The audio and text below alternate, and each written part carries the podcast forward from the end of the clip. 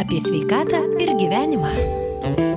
Porą savaičių beliko iki kalėdų ir be jokios abejonės studijoje prie mikrofono Glutė ir Liudas ir mes pabandysime Taip. pakalbėti apie mūsų visų sveikatą, kuri artėjant metų šventėms be jokios abejonės rūpi kiekvienam. Mūsų pašnekovas Tasiko Dirkos ligonės direktorius pavaduotojas Dmitrij Kačiulin. Labadiena, ponas Dmitrij. E, Labadiena. Sveiki Labadiena. esate, gyvi, sveiki, viskas tvarkoje? Taip, viskas tvarkoje.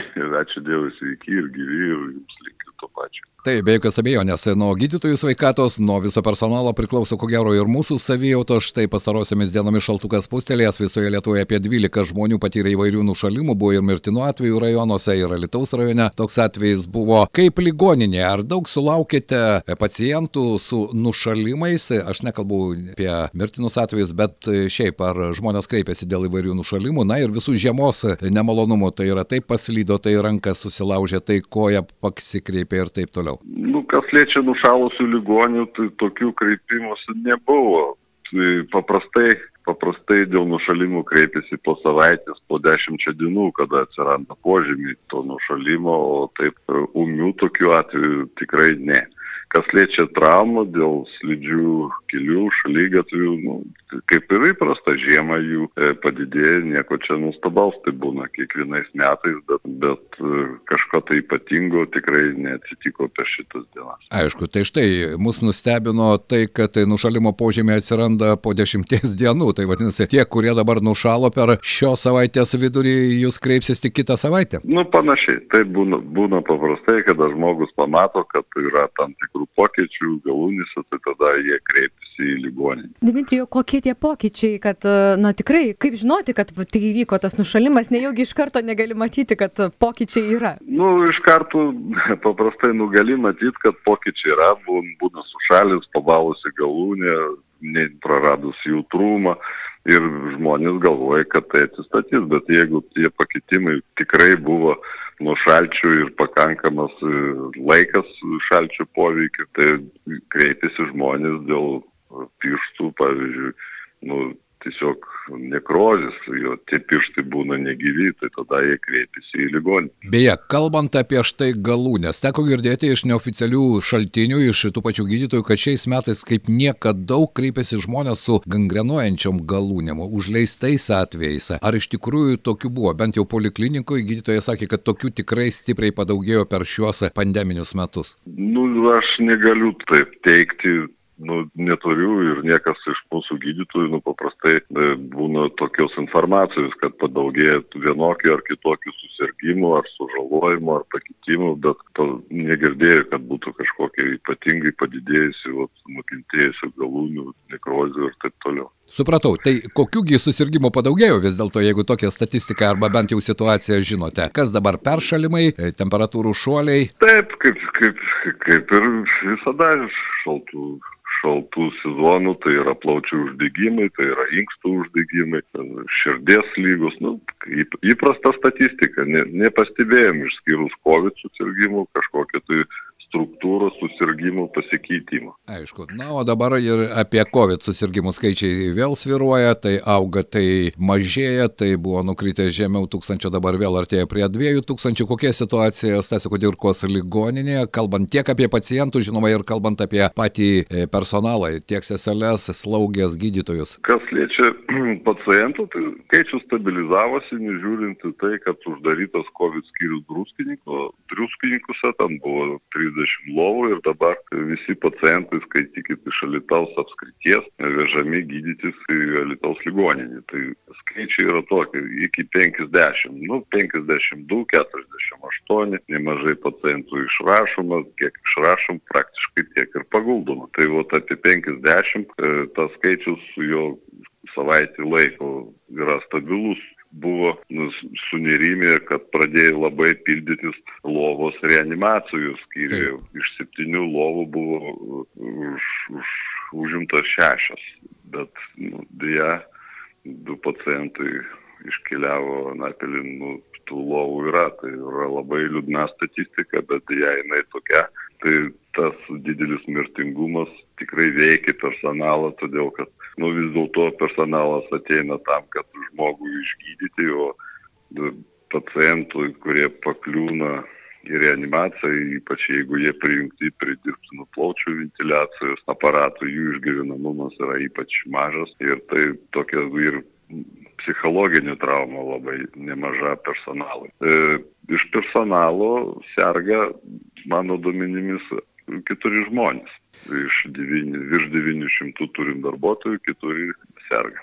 Na, oficialioje statistikoje skelbiama ir šiandien 17 mirčių, 15 nepasiskėpė arba nepilnai paskėpė. E, vieni teigia, jog jokio skirtumo žmogus paskėpytas, nepaskėpytas, COVID pasigavo ir atsidūrė reanimacijoje. Vis dėlto e, medikams tenka kiekvieną dieną susidurti ir, kaip jūs sakote, ypatingai reanimacijos palatoje ir patys gydytojai ir slaugės, jie visi pervarksta nuo to psichologinės tos įtampos. Mirti matyti kiekvieną dieną, ko gero, tai iš tikrųjų išbandymas. Ar ta maždaug procentinė išaiška visiška, ji kaip ir oficialioje statistikoje, taip Alitaus Stasio Kudirkos ligoninėje panašiai yra. Nu, yra panaši statistika, yra susirga, mes turim paskėpytų, pilnai paskėpytų, apie 20 procentų, kurie pakliūna į ligoninę. Tie, kurie pakliūna į reanimaciją, tas procentas yra dar mažesnis, bijau jūs netiksliai informuoti, nu, tikrai neskaičiavom, bet e, aš kalbu apie skyrius, apie 20 procentų yra paskėpyti.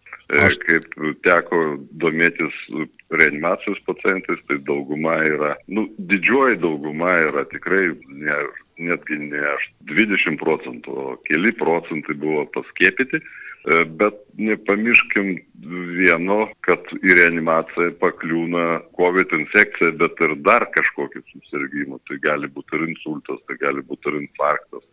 Tai vat, nu, ir tie žmonės irgi miršta nuo tokių, kaip pasakyti, gretutinių lygų. lygų kurie, taip gretutinių lygų, kur ne COVID dominuoja. Nu, yra tiesiog teigiamas PGR testas, bet žmogus serga pagrindinį jo lyga yra kitokia. O kaip su vaikais? Kaip su vaikų sergamumu? Štai mokyklose dabar ir Nacionalinis sveikatos centras teigia, jog labai daug žydinių mokyklose, darželiuose, prieš mokyklinėse įstaigose. Lietuvoje irgi tokių pavyzdžių turime, tai vienoje, tai kitoje klasėje PGR testas yra teigiamas. Ar e, vaikų daug pakliuvo į Stasio Kudirkos ligonę? Nu, vaikų su COVID mes negydom, tie vaikai būna nukreipiami į Kauną. Į, į, į Vilnius, dažniausiai į Vilnius ligoninę arba į Kauną. Nu, po vieni atvejai būna bet tai tikrai nu, nepalyginus su suaugusiu. Na, o grįžtant vis dėlto prie tos sudėtingos situacijos COVID-19 skyriuje, nesikeičia patys principai. Tai yra daugiau vyresnio amžiaus žmonės, nors buvo atveju, kai ir jaunesnio amžiaus žmonės, ir 30-mečiai, 40-mečiai patekdavo į reanimacijos palatas. Ar tas bendras dabar vaizdas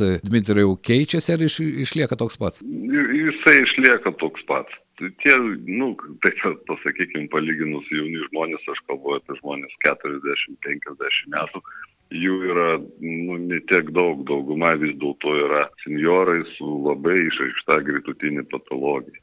Aišku. O toks yra kontingentas. Nauja atmaina, omikronas, čia sienos uždarytos, e, panikos e, kilo mėnesis laiko jau prabėgo, kai kurie specialistai kalba, kad galbūt omikrono ta atmaina, ji gali būti natūralus skiepas. Tai yra žmonės persirgs lengvesnę formą ir tokiu būdu galbūt pandemija pradės lopti. Na ir tokios versijos yra. Taip, aš girdėjau ir skaičiau, kad yra tokių, tokių žinių, bet vis dėlto su tokia nu, kaip pasakykim, džiugia žinia yra ir yra iš paskos, kad mes taip galvojam, bet tai neįrodyta. Na, dar trūksta per mažai laiko. Duomenų, Taip. Taip, trūksta duomenų, trūksta tyrimų, trūksta statistikos, už tai, nu, nemanau, kad reikia atsipalaiduoti ir taip lengvai žiūrėti tą mikron. Ne, aš ne. Atmainą. Neaišku, kuo manai pasibaigs ir kaip ta lyga atrodytų, kad žmogus susirgo lengvai, bet būna ir vėlesnių tokių rezultatų ir Taip. pasiekmių, kurių mes dar nežinom. Naudodamasis progą,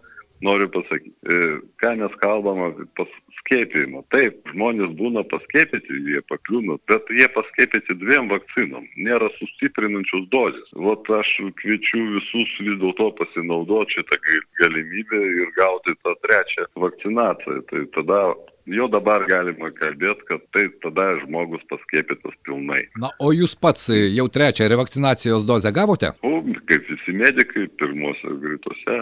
Aišku. Mes gavom, ligoninė darbuotojai gavo rugsėjo pradžioje trečią dozę. Na štai, trečią dozę aš turėčiau gauti rytoj ir kaip jūs sakote, dar po dviejų savaičių, jeigu imuninė sistema sudirbs normaliai, aš jau e, turėčiau jaustis kiek saugiau, laikantis visų saugumo reikalavimų, be jokios abejonės. Be abejonės. Prognozės gero nedėkinga forma, kalbant apie štai tokius pandeminius susirgymus ir be jokios abejonės viso pasaulio mokslininkai taip pat tas prognozes kūrė, duomenų kartais mažai, kartais daug, bet vis dėlto kalbame apie tai, kad galbūt kiti metai gali būti tokie lūžio metai. Kaip jūs jaučiate? Vis dėlto turite daugiametę praktiką, treti metai jau bus daugoka visai žmonijai. Nu, su tą pandemija tokia, nu, man asmeniškai kaip gydytojui, ko gero, ir visai, visai visiems teko susidurti pirmą kartą. Galim tik tai iš istorijos žinot, kaip buvo su ta gripo epidemija 18-20 metais. Nu, mokslininkai teigia, kad trijų metų reikia, kad pandemija kažkokią tai jau įgautų e, litėjimą ir, ir per, perlaužimą į tą geresnę pusę.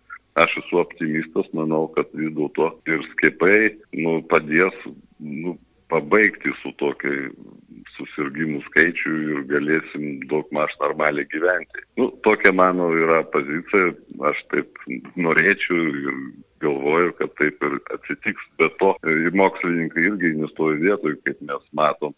Atsiranda ne tik tai vakcinacija, vakcinos, bet ir, ir vaistai nu, kurie padeda išvengti tų sunkios formos ir mirčių, kas yra svarbiausia. Ar tokių vaistų jau yra ir Stasio Kudirkos ligoninėje? Nu, ne, dėja, tokių vaistų mes neturime. Na kągi, tikėkime, kad jie anksčiau ar vėliau iš tikrųjų atsiras ir palengvins būklę tų žmonių, kurie patenka į ligoninę, į reanimacijos palatas, bet yra ir kita pusė žmonių, kurie visą tai neigia, apie tai galbūt irgi reikia kalbėti ir čia, nežinau, geriausias pavyzdys, mano nuomonė, tai yra pabendravimas su medikais, teko ne su vienu kalbėti, kurie sako, žinot, po šių pandeminių metų man labai rimtai kyla klausimas, ar aš galiu toliau dirbti tokį darbą, nes tos įtampos yra iš tikrųjų labai didelės ir sunkios, ypatingai tiems, kurie dirba, na, tuose karštuose taškuose, tiek reanimacijoje, tiek COVID-19 skyriuose. Nu, visi dirba ir, ir dirba sunku visiems. Aš negaliu sakyti, kad sunku tik tai ypatingai sunku, kad kas dirba COVID skyriui.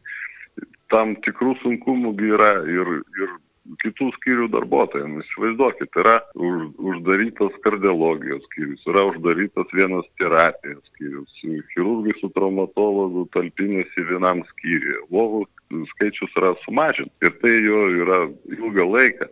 Ir darbas gaunasi labai intensyvus, žmonės, kurie pakliūna į priimimo skyrių ir kuriam reikia hospitalizacijos.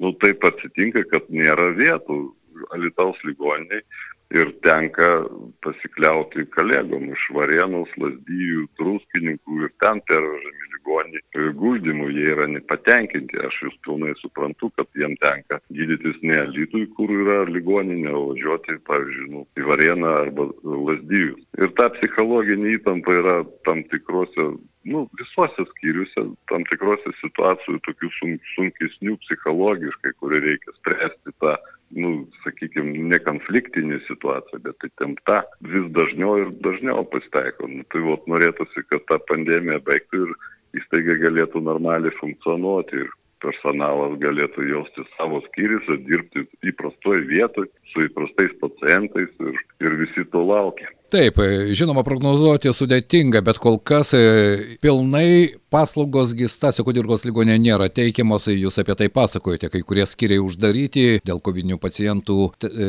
nėra vietų ir taip toliau. Ar e, su kolegomis iš Santaros klinikų, kadangi jie yra ta pagrindinė, ko gero, organizacija, su kuria derinami ir kovinių lovų skaičiai ir visa kita, iš ankstinių prognozių niekas nedaro, ar ne? Ar po naujų metų, pavyzdžiui, ligonė galės funkcionuoti ir teikti visas paslaugas? Nu, visiems kaip tik tai tie naujieji metai ir kalėdos tai tam tikrą nerimą įneša. Ir niekas e, tikrai neišdrys uždaryti kovidinių lovų arba mažinti, kol nepraeis tas, nu, aišku, Taip. ir džiugus, ir šventinis laikotarpis, bet po jo yra visada dviejų savaičių e, tokia labai įtempta situacija, visi laukia, kaip bus su susirgymų skaičiais. Taip, bus Paprastai nauja banga ar ne?